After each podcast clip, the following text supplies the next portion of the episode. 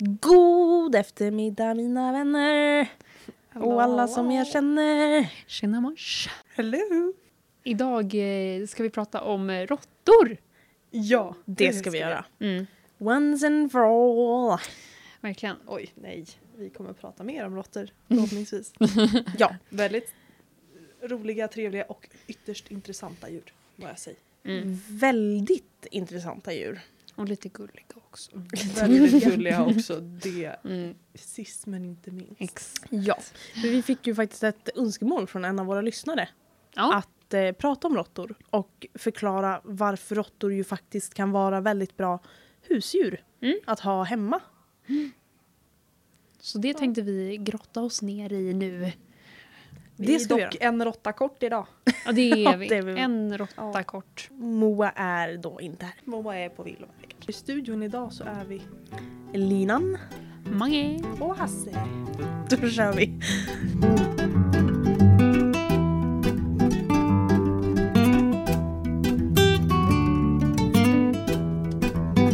Okej, mina vänner. Vart börjar man någonstans då? Om man går i tankar om att en råtta kanske ska få flytta hem till mig. Eller kanske två råttor ska få flytta hem till mig. Hur ska man eh, tänka då när man går i tankar om att få hem en råttkompis? Rent spontant tänker jag absolut först och främst innan man bestämmer sig för att skaffa en råtta. Ja. Läs Ja. på om en råtta. Eh, men Viktigt sen, är också att läsa på om råttor i vilt tillstånd. Så Mm. att man kan anpassa burar, eh, berikning, eh, mat och så vidare till vad som faktiskt sker i det vilda. Mm. mm, Men sen då, när man har eh, läst på lite och tänkt att ja, men, råttor är ändå ett djur som jag... Det kommer passa. Ja, det Ja. kommer passa hemma hos mig. Mm. Då ska vi vända oss till... rent spontant tänker jag att man först och främst ska undersöka om det finns råttor som ska omplaceras. Mm. Som ju kanske är vuxna råttor men som behöver nya hem. Och Smådjurschansen är ju då en ideell organisation som arbetar med att omplacera djur som behöver nya hem. Och jag, eller vi alla här inne, tycker ju att det nog är den absolut bästa vägen att gå om man nu ska skaffa sig en råtta. Mm. Verkligen. För det finns ju säkerligen många där ute som behöver hem. Mm. Verkligen. Så att då är det två flugor i en smäll. Och vill man inte vända sig till smådjurschansen eller de kanske inte har några råttor inne för tillfället så är det ju noga med att göra din research för vart råttan kommer ifrån. Ja men gud, ja, verkligen. Det är ju jätteviktigt. Ja. Och precis som med alla andra djur, att man måste ta reda på vem det är som föder upp råttorna då. Mm. Och se också till att råttan är tillräckligt gammal att faktiskt flytta Mm. ifrån sin moder. Mm. För det finns ju faktiskt lag på att gnagare ska hållas tillsammans med modern eller en likvärdig ersättare för henne så Mm. länge ungen behöver hennes mjölk Mm. och Mm. omvårdnad. Och för råttor, brunråttor i alla fall och de flesta mössen så är det tre veckor minst Mm. som ungarna ska spendera med modern. Men sen har vi en, alltså det här med uttal. Men degusråtta. Degu. De, Degu. okej, Deguråtta. Mm. Degusråtta. Eh, ska vara hos mamman i minst fem veckor. Mm. Enligt allmänna råd Mm. Och det är ju väldigt viktigt också då, som Mm. sagt, att hålla koll på vilken typ av råtta är det man skaffar. Ja. Mm. Och också vara medveten om att det kan ju vara väldigt olika om man, eh, oavsett om det är råtta eller en annan typ av gnagare, Mm. att det beror väldigt mycket på Ja, vilken art det är. Verkligen. Och även olika råttraser har ju olika behov. Mm. Så det gäller ju att, alltså även om du tar hem en råtta från smådjurschansen Mm. så se, se till att veta vad det är för ras. Så Mm. att du kan ge bästa möjliga förutsättningar för att råttan ska ha en så bra välfärd som möjligt. Mm. Verkligen. Sen vill jag också bara flika in och avråda faktiskt ifrån att köpa från djurbutik. Mm. Ja. För det, det tycker jag är väldigt utdaterat att sälja djur i butik på det sättet. Och det blir svårare för en själv att kontrollera vart djuret kommer ifrån, Mm. att det sker på rätt sätt. Och man stöttar ju då själva processen att djuret behöver bo i en butik Mm. på lite obestämd tid. För djur som säljs i butik riskerar ju faktiskt att bli kvar ganska länge i butiken om det inte säljs. För att ofta i butik tänker jag i alla fall att de som kommer dit de vill gärna köpa en unge. Mm. Och att är det då vuxna Så individer så är det inte lika lockande att köpa. Och då blir de ju kvar där ett tag, eller riskerar det i alla fall. Och jag tror inte att det är jättetrevligt att bo i en butik på det sättet. För det blir spring och ofta tycker jag att mm, rummen liksom där djuren finns är ofta långt in i butiken. Ingen dagsljus. Behöver inte vara så på alla ställen men de ställen jag har varit på så har det genomgående varit så. Så att eh, ja, nej, tänk till en extra gång vart man köper ifrån och kolla upp ordentligt. Och har du någon i din närhet eller finns det någon liksom community, kanske någon eh, organisation eller någonting så kan man ju alltid höra sig för med folk som man känner är kunniga inom Kanske gå området. med i en Facebookgrupp.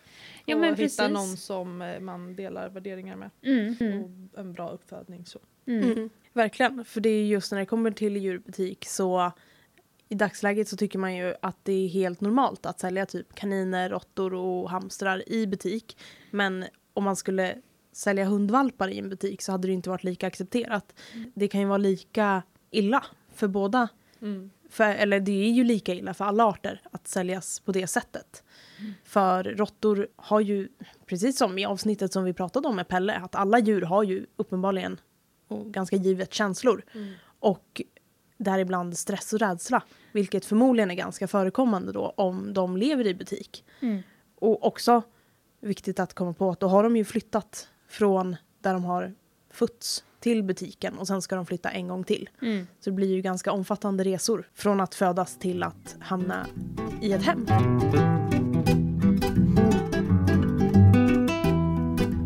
Och nu när vi då har hittat oss en råtta som har ett bra ursprung och haft en trevlig uppväxt. Trevlig bakgrund. Eh, hur ska vi husera våra råttor på bästa vis? Ja, det här det beror ju på vem man frågar då. Jo. Eh, För lagen säger ju att det är okej att ha väldigt små utrymmen till råttor. Ja. Och jag tror att det, om man är typ förstagångsägare för ett djur och hamnar hos råttor så tänker man kanske att lagen beskriver det som är bra för arten och för djuren och individerna. Men det, det som är viktigt att komma ihåg är att det är ju absolut minimikrav som presenteras i lagen och i föreskrifter och sådär. Och helst ska man ju ha ganska mycket större. Om du tänker på ytan på buren då. Ja, Ja. precis. Först och främst Ja. då. Och det som är okej i dagsläget för bruna råttor då är 0,18 kvadratmeter. Det är okej att ha då.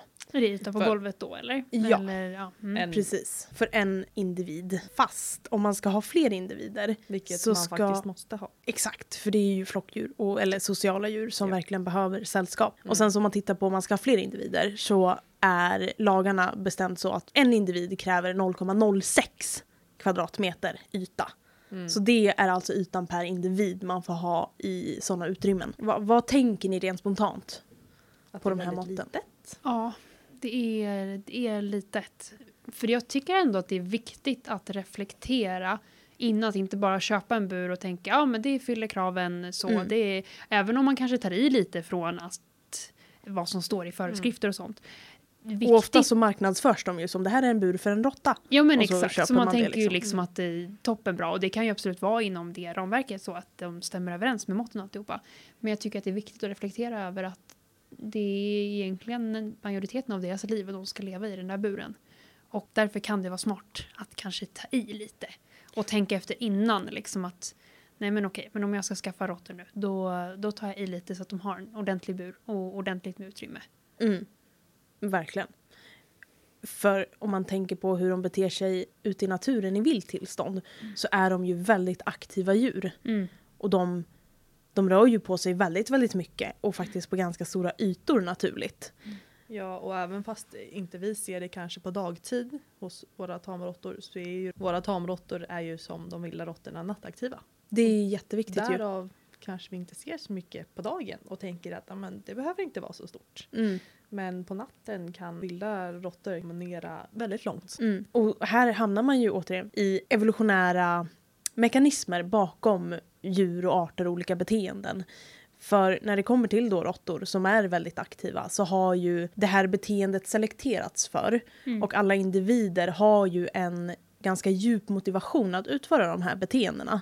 Och det precis som du sa Hasse, måste man ju verkligen komma ihåg. Mm. Att bara för att man själv inte uppfattar det så, så måste man komma ihåg att det faktiskt är så. Och att bara för att man inte är vaken på natten så betyder det inte att de inte rör på sig. Verkligen. Nej, och sen också att då vara beredd på att, att se till att man kan tillgodose rörelsebehov då på andra sätt. Mm. Kanske har man inte jättestor yta på det sättet som att de, de kommer inte kunna röra sig på samma sätt i en bur som i det vilda. Att man då anpassar buren efter det. Att man berikar den på så många sätt möjliga och att man dessutom varierar berikningen. Mm, Det är ju lätt skulle att, man, eh, det är lätt att man eh, sätter in en massa roliga härliga grejer för Mm. råttorna man köper och sen kanske man inte tänker på att man eh, kanske ibland vill variera det lite så att det blir lite nytt för dem. Mm, verkligen, för råttor är ju en art som lever i en väldigt föränderlig miljö ute i det vilda. Och Mm. råttor är en av inte allt för många arter som faktiskt finns på många olika ställen i världen. De anpassar sig lätt efter vars de bor. Mm. Och precis som alla andra beteenden så är ju det här ett beteende som måste få sin motivation tillfredsställd Mm. också i fångenskap då. Mm. Så då kanske det egentligen är bättre att inte stoppa in alla berikningar man har i buren samtidigt utan att ha det på rull och variera emellanåt. Det tycker jag låter som en väldigt bra grej. Mm. Verkligen att variera. Och också vill ju uppmana till att faktiskt låta råttorna inte bara sitta i buren hela tiden. Mm. För råttor är ju djur som är högst träningsbara. Mm. De Oh är ju fantastiskt lättlärda och faktiskt, nu har inte jag någon personlig erfarenhet, men av de jag har pratat med så är ju de väldigt, väldigt, väldigt hängivna när det kommer till träning. Precis samma träning som man gör med sin hund eller sin häst. Och det är ju jättekul ju, Mm. att kunna hålla en råtta på samma sätt som typ en hund Mm. och försöka skapa samma relation Mm. till sin råtta. Ja. Och som vi har nämnt tidigare så är det ju faktiskt vetenskapligt bevisat att råttor uppskattar en liten kittel session på magen. Ja. liksom. Att det har visat sig att de visar beteenden som kan liknas vid skratt. Mm. Då. Och det är ju alltså det är så Det gör dock fascinerande. inte möss. Nej, det är viktigt att komma ihåg. Viktigt. Att det gäller bara för råttor Ja. och inte andra gnagare. Mm. Och det kanske vi ska komma in på lite senare i avsnittet också. Mm. Att lyfta olika eh, aspekter som är viktiga att hålla koll på när det Mm. kommer till olika typer av gnagare. Mm. För råttor är ju verkligen alltså genomgående sociala djur. Vilket ju också möjliggör att kunna skapa fina relationer Mm. mellan människa. Alltså just antropologiaspekten Mm. i relationen mellan råtta och människa då. Mm. Att kunna kommunicera på ett väldigt fint och genuint sätt. Positiv förstärkning funkar alldeles ypperligt. Jättebra. Det Till att träna råttor. gör det. Mm. Jag längtar till den dagen jag har en råtta. Mm. Faktiskt, och få uppleva det här. Mm. För återigen, de som jag har pratat med uttrycker ju en väldigt stor kärlek till sina råttor. Mm. Och till hela konceptet att ha en råtta. Mm. För jag kan ju uppleva liksom i samhället att det, det blir ju attityden till råttor och möss är ju den är ju inte bra. För man kallar ju råttor och möss för skadedjur. Nej, det är en jättetråkig inställning för att de har ju väldigt mycket kärlek att ge. Om man bygger en eh, bra och stadig relation. Mm. Så att, eh, ja, nej, det är riktigt eh, tråkigt att det ska vara så. Ja, för det är ju lite när det kommer till just begreppet skadedjur. Mm. Det man menar då är ju att de skadar det människan tycker är av värde för oss och tycker det är bökigt att de tuggar på. Mm. Men det är ju återigen bara naturliga beteenden Mm. som de utför för att överleva. Mm. Men de råttorna vi håller är ju domesticerade Ja. Mm. till tamråttor då. Eh, och lite olika raser Mm. av det. Mm, precis. De Men- har, ju, har inte samma tröskelvärden på till exempel nya saker och så vidare. Med Nej, stress men då, precis. tänker du? Eller? Ja, med stress Mm. och att eh, människan kanske inte är livsfarlig. Mm. Och, ja. Alltså verkligen, det är ju skillnad. Men att just den grejen, att man säger det om de typer av djur, att det är skadedjur, kan påverka hur man ser på relationen till en domesticerad råtta till exempel. Eller Ja, andra det typer av jag arter. Liksom. Det mm, sätter nog sina spår hos folk. Mm. Nu när vi är inne lite på, på vilda råttor. Mm. Tänkte jämföra lite med vilda råttor och eh, Och hur, hur, ja, och hur Mm. man kan husera deras burar Mm. På ett bra sätt. Mm. Och vilda råttor kan ju som sagt leva i de flesta olika miljöer och då leva på lite olika sätt. Mm. Eh, men många vilda råttor bygger liksom stora system med gångar i jorden. Och de, det har även visats att de vill ha liksom olika rum för olika syften. Så liksom ett rum där de sover och ett rum där de, förvara, där de lagrar mat eh, och ett rum där de då utför sina behov. De vill skapa ett hem. De vill skapa ett Ja hem men ver- Mm. alltså verkligen. och Mm. de vill också isolera sovrum med mjuka material. Mm. Men gud. Så då har vi ju då inredning i buren. Så ska man inte ha sådana tyger som kan liksom eh, flätas upp typ så att det Mm. blir liksom långa trådar som kan fastna i. Mm. Mm. Men flis ska vara ypperligt bra Mm. för att ha med råttor. Eh, också bra Tänker du för... som liksom underlag då? Eller? Nej, jag tänker mer som typ hängmattor att hänga upp. Mm. Eller ja, om du har, fast ja, underlag också skulle jag kunna säga. Mm.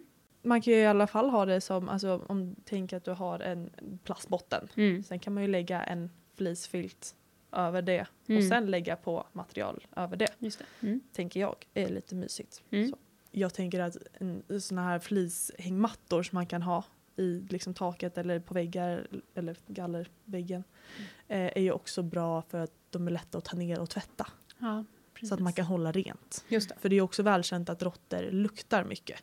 Mm. Men det gör de just ju det. faktiskt inte om man håller rent. Ja, Nej. Det är ju liksom, det är ju gammalt kiss som luktar, det är ju gammalt bajs. Det är ju Mm. att, eh, Det är inte själva råttan nej det som... är inte själva råttan som luktar utan råttorna kan vara ganska, alltså väldigt renliga av sig om man faktiskt håller rent. Mm.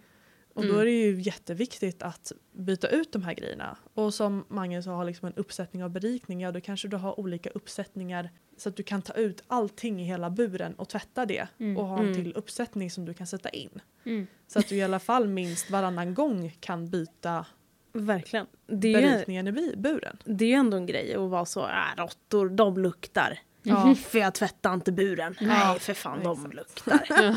Det är ändå att det har blivit så, för det är ju verkligen välkänt. Jag Mm. som inte är så insatt när det Ja. kommer till råttor. Så det är ju en vanlig grej, man får Mm. höra att de är så äckliga liksom. Mm. Mm. Men det kanske då, som sagt, snarare beror på hur man hanterar buren. Mm. Och sen är det ju också bra att ha en toalett. De vill ju faktiskt inte kissa och bajsa där de sover. I det vilda i alla fall. Men det tycker jag, då skulle jag också vilja flika in då. Mm. För när det kommer till kaniner så är det ju vanligt att man säger att de utför sina behov på plats. Bara så. Ja. Men då man vill ha råttor fritt ute i eh, där man bor, alltså Mm. ute i rummet så.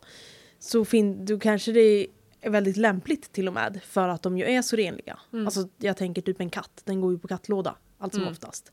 Och då kanske råttorna också går på sin Ja, man Låda. kan träna råtta och gå på Mm. lådan. Det är ju som vi pratade med Elna om med kaniner. Att Mm. man tar ju liksom avföringen då och lägger det i toaletten. mm. Så att råttorna drar sig dit går på toa. Mm. Och sen om man då har dem ute så kan man ju ta ut en toalett och ställa på golvet så Mm. att de vet vart de ska någonstans om Mm. de behöver gå på toa. Mm. Sen är det klart att det sker olyckor. Ja men det, ja Alltid. precis. Men eh, ja, Men om de är naturligt renliga så ja finns nog stora det möjligheter. i alla fall det efter det jag har läst. Mm. Nu är inte jag någon råttexpert på något sätt. Eh, men efter det jag har läst är hyfsat renliga. Mm. Och om man håller rent så, så luktar det liksom inte. Nej. Men de är också väldigt känsliga. De har väldigt känsliga luftgångar och, Mm. och så vidare. Så de är väldigt känsliga för damm. Ja. Man ska till exempel inte ha kutterspån i en Mm. råttbur. Mm.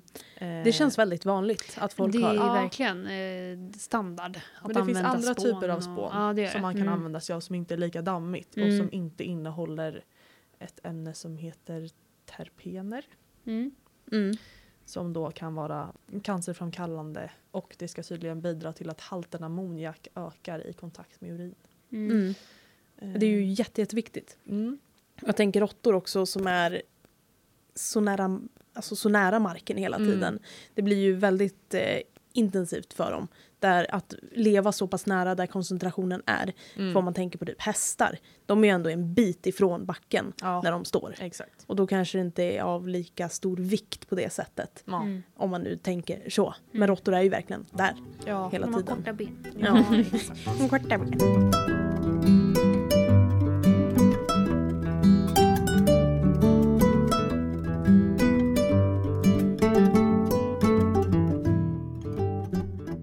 Och sen vill de ju som sagt ha bobyggematerial.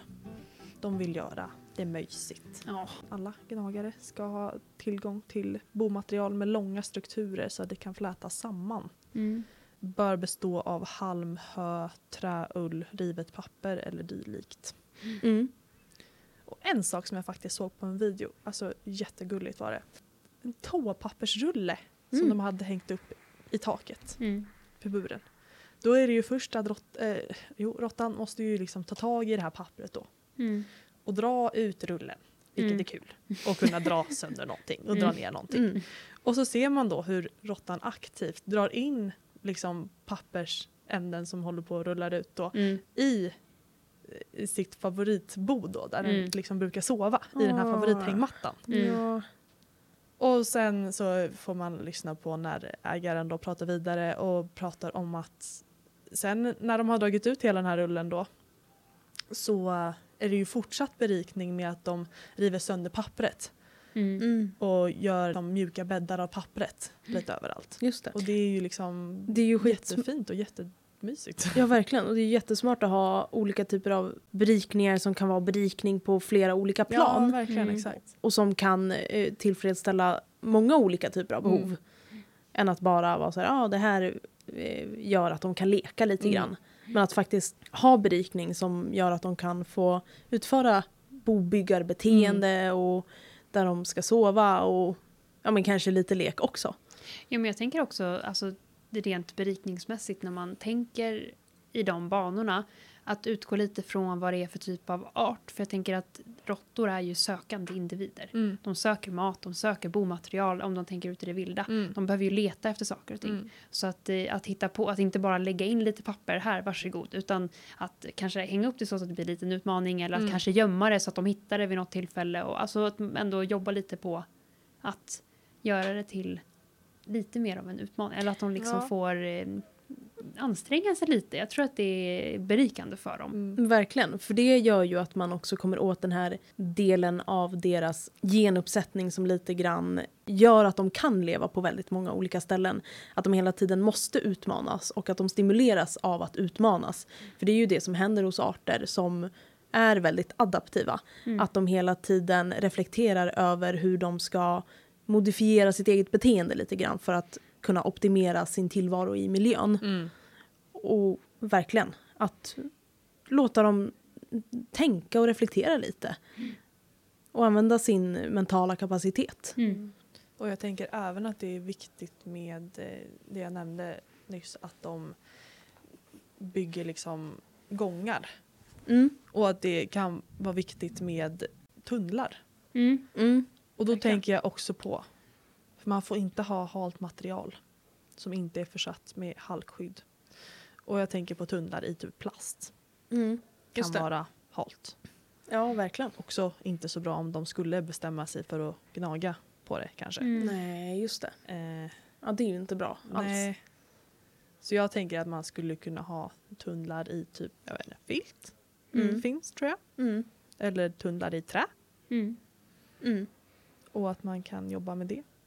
Ja, verkligen. Jag tänker att man skulle ju kunna ha, för det kan de ju tugga på också, alltså Ja. just ha sådana ty- ja, men tunnlar som Mm. de också kan använda som berikning för att tugga eller Mm. gnaga då. Sen är det ju här också viktigt flika in anpassat till din individ som du har Mm, där mm. hemma. Mm. Allt det vi säger nu kanske inte passar för alla. Mm. Verkligen. Eh, och kan behöva modifieras lite eller vad som helst. Så viktigt. Man kan testa sig fram helt enkelt. Ja. Utvärdera vad som verkar Ja. uppskattas och inte. Mm. Verkligen. Och återigen, där hamnar man ju att försöka skapa sig en relation till sin Mm. individ. Och anpassa Mm. därefter. Degerråttor ska ha minst en spaningshylla och de vill även ha tillgång till ren och fin sand för att sandbada. Mm. som Mm. chinchillor till Mm. exempel. Ja. Så återigen, viktigt att veta vilken ras du har för de har olika behov. Mm. Mm. Verkligen. Att eh, vara noggrann med att kolla upp specifikt för den eh, råtta som man tänker att man ska ta hem. De råttorna Råttorna, exakt. man tänker att ta hem. Exakt. Men det är väl tillåtet enligt lag att ha en råtta va? Eh, Om, det är, om den är aggressiv, liksom att den inte går att ha med andra råttor. Okej, men annars är det alltså olagligt att ha? Alltså Mindre det än en råtta. som allt som har att göra med skyddslagen. Det går väl lite och... Nej.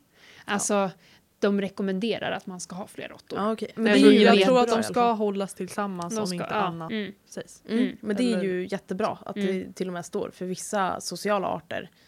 Mm. eh, Det är ju okej enligt lagen då att Men du kan ju komma ensamma. undan om du säger att de är aggressiva Mm. mot varandra. Ja, Då behöver du inte ha dem tillsammans.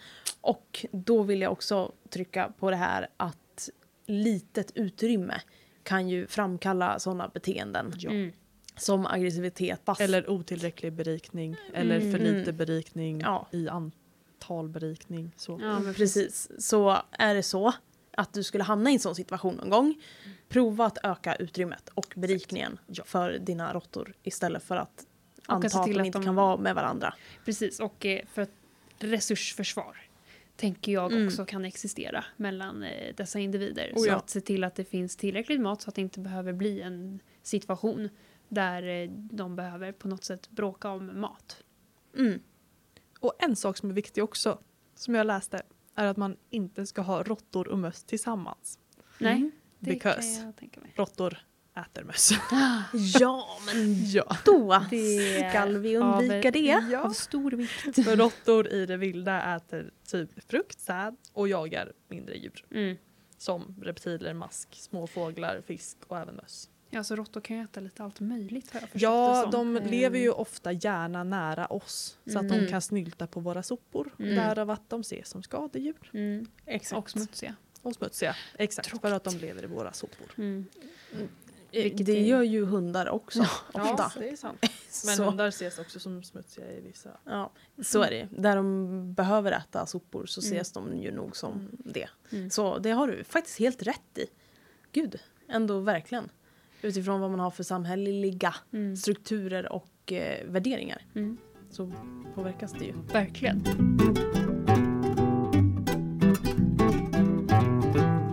En dagens mina vänner har jag Äntligen. plockat med. ja, Alltid så redo. nej men eh, alltså jag har ju försökt läsa massa vetenskapliga artiklar till detta tillfälle och så vidare och så vidare. Och då hittade jag den här som jag ska berätta för er nu. Wow, wow, wow. Så låt mig gissa, det handlar om råttor. Nej. Gjorde jag det. Surprise! Nej men så här. Råttor är ju sociala djur såklart och de ska ju hållas tillsammans då. Och den här studien som de hade utfört Mm. har testat lite grann empatikänslor mellan individer som lever i samma utrymme då.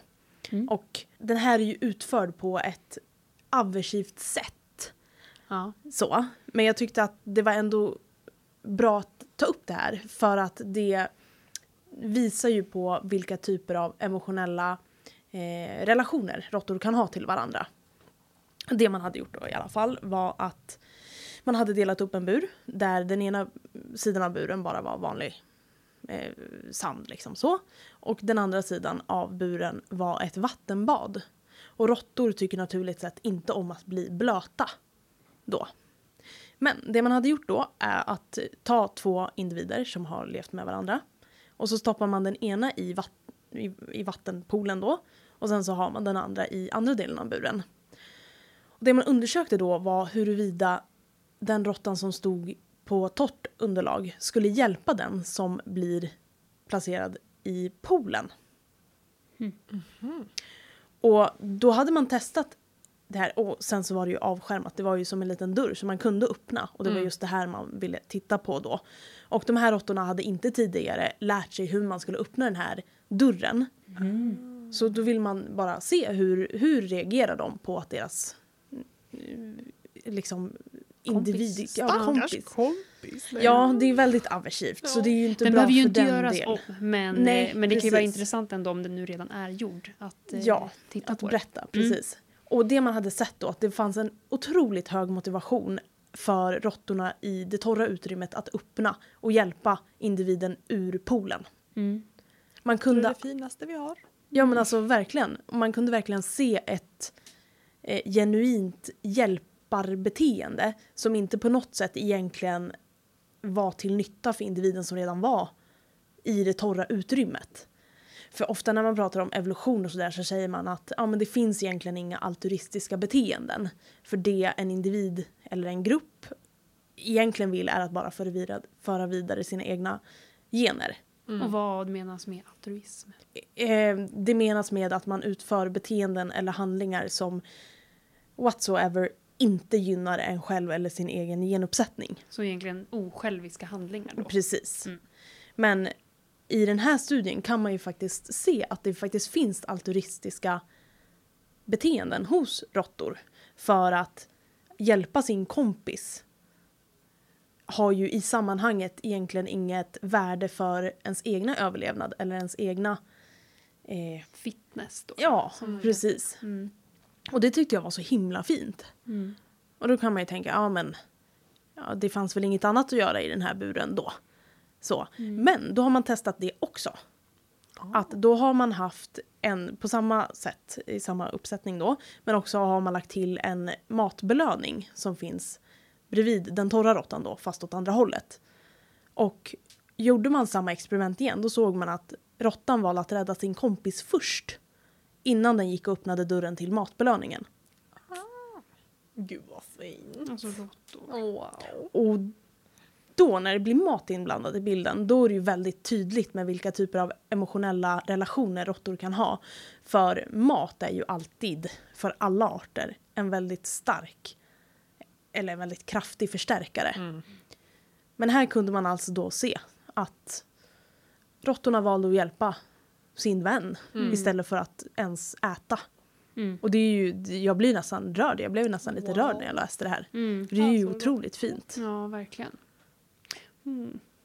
Det är ju jättefint. Mm. Verkligen. Och det Men- tänker man ju inte. Nej. Att de har, nu vill jag inte säga förmågan, men att de beter sig på det sättet. För det är inte så vi framställer våra djur. Att de faktiskt värderar sina eh, relationer, sociala relationer på det sättet. Men de lever ju också i det vilda lever de ju i flock och har som i de flesta andra ko- flockkonstellationer så har ju var, alltså varje individ ett specifik post Mm. som de håller vakt, tar hand om ungar, Mm. samlar mat. Mm. Och i vilda råttflockar har man också sett att de tar sig an olika uppgifter. Mm. Mm. Vilket Det är också så otroligt fint. Och det här får en ju att få insikt i hur komplext det ju faktiskt är mm. när man väl sätter sig in i vad som händer ute i det Mm. vilda. Och när man börjar studera faktiskt relationen mellan individer. För jag tänker att bara av att studera en isolerad individ säger ju oss sällan ganska mycket. Men när man kan få observera hur individer beter sig gentemot varandra så känns det ju som att man verkligen kan få nys på det här med empati och sekundära känslor då som är lite mer komplexa än de grundläggande känslorna. Mm. Och det tycker jag är fascinerande. Mm. För ofta när man forskar på råttor och möss tyvärr så är det ju för att vi vill förstå saker om oss själva, alltså Mm. människan. För råttor är ju ett väldigt vanligt djur att forska på när det kommer till just mänsklig kunskap om man säger. Det är ju sällan man forskar på råttor för att förstå något om råttor. Mm. Och det är ju hemskt i sig.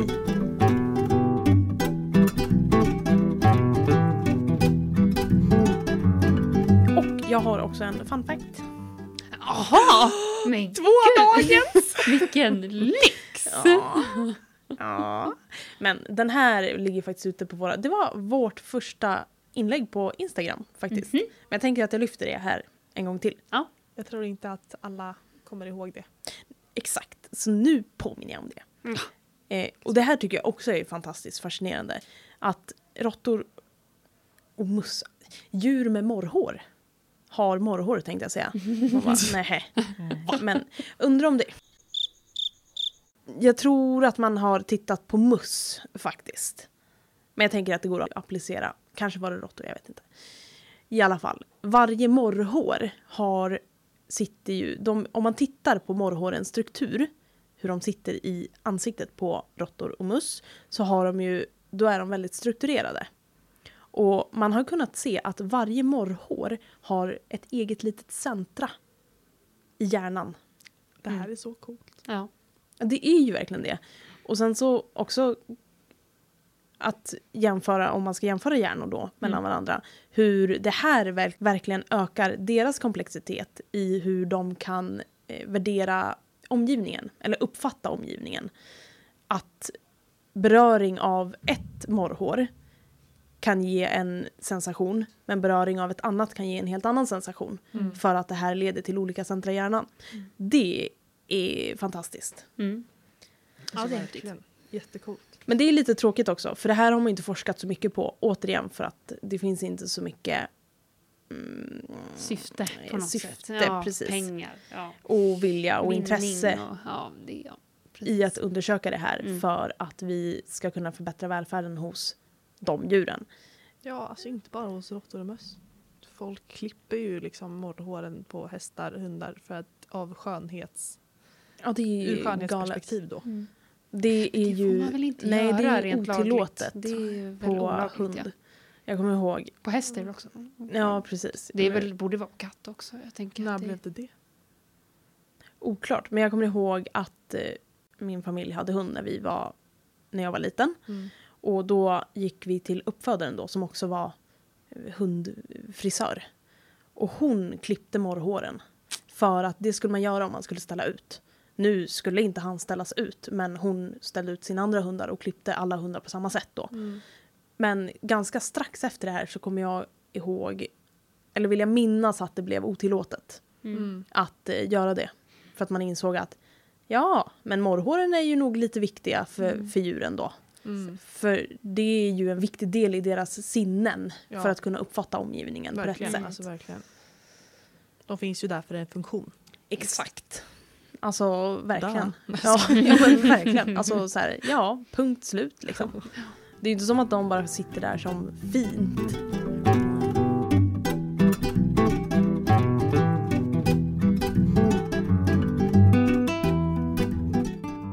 För att återgå till våra käraste små råttor. Ja. Vill jag bara nämna en till berikning som man kan Ja. ha i buren. Ja. Som det faktiskt också är lag på att man ska ha. När man ska gnagare ska ha tillgång till gnagmaterial. Mm. Och som allmänna råd står det då att gnagmaterial bör utgöras av hårda fodermedel såsom knäckebröd, råa rotfrukter, färska grenar med bark eller dylikt. Och då har jag kollat upp att till råttor eh, så ska man vara uppmärksam så man inte får in massa ohyra. Kanske man ska vara till alla arter. Ja, om man tar eh, t- liksom träd utifrån så. Nej, träd. Grenar! Vet jag träd! träd. Varsågod. Det hade ändå varit något. Gud, Har man råttorna ute i vardagsrummet kan man väl plocka Ja, in trädet bara och lägga det där. Ja. Ja, man ska i alla fall inte ta grenar från ek eller från barrträd. Mm. Inte Viktigt. heller, ja, viktigt. Inte heller från björk under vintern. För då utsöndrar tydligen björken eh, någon sorts sockeralkohol som är giftig för råttor. Mm. Så. Ja, försiktigt, försiktigt. Men eh, sånt som al, appel, rönn och där kan det även vara enligt den källan jag läste vara nyttigt med, alltså med, med bären någon gång ibland. De här Mhm. rönnbären. Mm. Eh, och lönn ska Mm. också funka bra till råttor. Mm. Sen tycker ju råttorna om att eh, klättra i det vilda. Och då antar jag att råttor, tamråttor också tycker om att klättra. Det gör de. Det Ja. kan jag faktiskt säga av egen erfarenhet att det gör de. Så de då. Är det ju bra att ha såna här klätterrep. Mm. Som man också kan tvätta i maskinen för att liksom sanera allting så att det Mm. inte luktar. Klätterrep eller ja, och stora grenar som Mm. man kan klättra på Mm. och tugga på. Mm. Det är liksom två i ett, skitbra. Ja, det, alltså det är verkligen så, så viktigt med berikning. Det är ju, om man ska ha råttor, vad som kommer att minimera risken för stereotypier och beteendestörningar. För det finns ju i allra största grad hos även råttor Mm. såklart. verkligen. Och när vi väl är inne på det faktiskt, så i en kurs som vi läste förra året så fick vi titta på beteenden då och avgöra vad det är för typ av beteenden. Och de här, många stereotypier hos råttor kan misstas för väldigt gulliga beteenden. Mm. Så det, det kan ju också vara en... Eller roliga att titta på bara. Ja, precis. För vissa råttor får ju för sig att göra, eller får för sig, det är en stereotypi och då gör de som volter. Att de hoppar bakåt och så snurrar de ett varv. Det blir som en volt. Att de här beteendena kan se väldigt gulliga ut. Mm. Men att man, om man noterar sådana beteenden, att eh, göra en liten googling eller söka efter adekvat information som faktiskt kan bedöma huruvida det här är ett beteende som man kanske bör fundera på Mm. eller om det är ett normalt beteende. Och också sådär att kanske redan innan när man ska ta hem, om man nu har tankar på att ta hem ett sånt här djur, eller ja, flera då, ehm, att faktiskt kolla upp innan vad som är stereotypa beteenden. Mm. Så att man kollar upp redan innan vad det finns för stereotypier så att man kan lite hålla koll på det. Gallergnagning är tydligen något som är väldigt vanligt hos det, råtta. Ja, Och då ser man ju såklart till att ha någonting annat att gnaga på i buren. exakt. Mm. Så Ja. löser vi det, de problemen. Viktigt. Det är mycket att gnaga på. Ja, alltså verkligen. För det är ju väldigt viktigt att kunna bedöma beteenden Mm. med alla våra djur som vi håller. Men jag tänker att ju längre ifrån människan vi kommer, för hunden till exempel är ju samevolverad med oss, vilket gör det naturligt lättare för oss att bedöma olika känslotillstånd, Mm. så är det ju av största vikt, Mm. även hos råttor, att vara så här, vara, att ha koll på vad är stressbeteenden och hur kan jag bedöma det? Och vilka beteenden tyder på rädsla? Exakt. Mm. Ja, att kolla upp innan vad som är klassiska beteende. Hur ser djuret ut när den är glad och nöjd? Hur ser den ut när den är stressad? Hur ser den ut när den utför stereotypier? Så att man har det här spektrat innan. Mm. För att det tror jag kan underlätta väldigt mycket. Och man kan då förekomma. Att börjar man märka att liksom Ja, jag fick hem djuret och det var väl lite liksom småstressat i början men har kommit till ro nu. Men nu börjar jag märka det där beteendet och det känns inte helt normalt. Att man kan förekomma då om jag behöver åka till veterinären så att man gör det i tid. Eller att man behöver eh, ge mer berikning eller att det är någon social struktur i buren som kanske inte funkar jättebra. Alltså, det finns ju mycket man kan eh, tänka på där. Mm, verkligen. Så läs på om beteende. Och det finns ju som, det är ju väl faktiskt ganska väl studerat ändå när det kommer till råttor, det här med pain face. Det har vi Mm. pratat om någon gång tidigare i podden. Och då finns det olika signaler som man kan titta på när det Mm. kommer till råttor för att kunna bedöma huruvida individen har ont Mm. eller upplever smärta på något sätt. Så det är också en bra grej att ha koll på. Exakt. Och Och det där är ju som en liten att- lat hund Ja men Är det precis. samma painface som till häst? Det är väldigt lika Mm. faktiskt när det kommer till människa, häst, kossa, råtta, Mm. apa. Man ser ju väldigt många liknande drag. Mm. Spända käkar och Mm, precis, eh, spänt runt ögonen. Och, verkligen. Och det, på tal om om man ska flytta iväg lite här, mm. är ju ett tecken på att kommunikationen som sker mellan alla de här arterna då som har liknande pain face-uttryck, att den är ganska lika. Mm. Och att vi förmodligen upplever känslorna på väldigt lika sätt Mm. också. För att det är ju ett tydligt tecken på att det evolutionärt har Mm. förts vidare till många arter helt enkelt. Mm. Precis, att det har ett gemensamt ursprung någonstans tillbaka i tiden.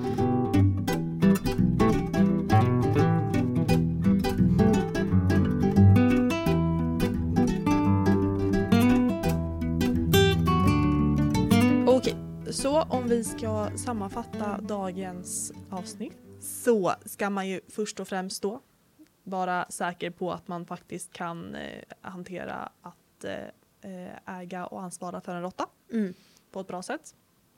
Vända sig först och främst enligt oss till eh, till exempel smådjurschansen Mm. och hjälpa en råtta eh, som behöver nytt hem. Mm. Och, eh, husering, gå gärna över eh, eh, burminimi. Mm. Väldigt minimi. Mm. Ja, Precis. exakt. Eh, ha, Ta i. Ta i. Ja. Tänk att nu jävlar blir det här för stort. Och då är det förmodligen för litet fortfarande. Men ja, lite bättre i alla fall. Perfekt. Flis Mm. eh, ska vara ett bra... Eh,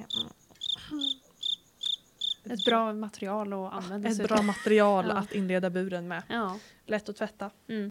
Toalett, de vill ha olika rum för olika eh, behov. De vill inreda sitt hem helt enkelt. Ja, Mm. och de vill inreda sitt hem med bomaterial Exakt. Viktigt. eh, som de behöver förses med. Samt att vi ska vara noga med att berika Mm. tillräckligt. Ja. Så att råttorna inte utvecklar stereotypier eller onödiga negativa och tråkiga känslor. Mm. Exakt. För det är som sagt ett väldigt, väldigt fint djur att ha som husdjur. Mm. Och man kan göra... alldeles för underskattat. Mm. Ja, verkligen. Och jag tycker att vi ska arbeta aktivt för att få bort stigmatiseringen Mm. av råttor. Och våga ge dig in i träningens värld. Höll jag Ja. på att säga. Att, eh, jag tror att det är Mm, väldigt givande verkligen. både för dig och råttan att eh, träna in eh, lite olika beteenden. Och det kan ju vara vad som helst egentligen. Mm. Verkligen. Det finns ju inga gränser alls. Nej. Möjligheterna är oändliga, tänkte jag säga. Det är inte om man ska vattenbada, för det tycker de ju inte om då. Nej. Nej. Om det är borta från det de inte tycker. Ja, det Ja, ska vi nej. inte göra. Mm. Skämt åsido. Verkligen. Alltså, mycket träningsbara djur. Mm. Vilket de allra flesta djur är. Ja. Och som vi alltid säger, läs på. Gör er research. Ska det bli vår slogan? Ja, Gör alltså- er research. Gärna djur podcast. Gör er research. Ja. Men det är kul att läsa på. Mm. Som vi också alltid Ja. säger. Men det är faktiskt det. Ja men det är ju verkligen det. Alltså när man väl hamnar på intressanta saker, man bara Mm. nej. Men det blir faktiskt väldigt kul att få insikter. Och leta alltid efter förbättringsmöjligheter. Exakt. Ja. Och det var allt för denna gång. Ja, Ja. det är en jävligt lång avslutning. Det är mycket att få med. ja. Verkligen.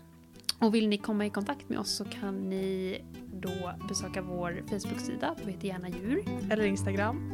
Lite gärna djur. Eller vår mail där vi heter jarnadjur hotmail.com. Kom. Bye bye!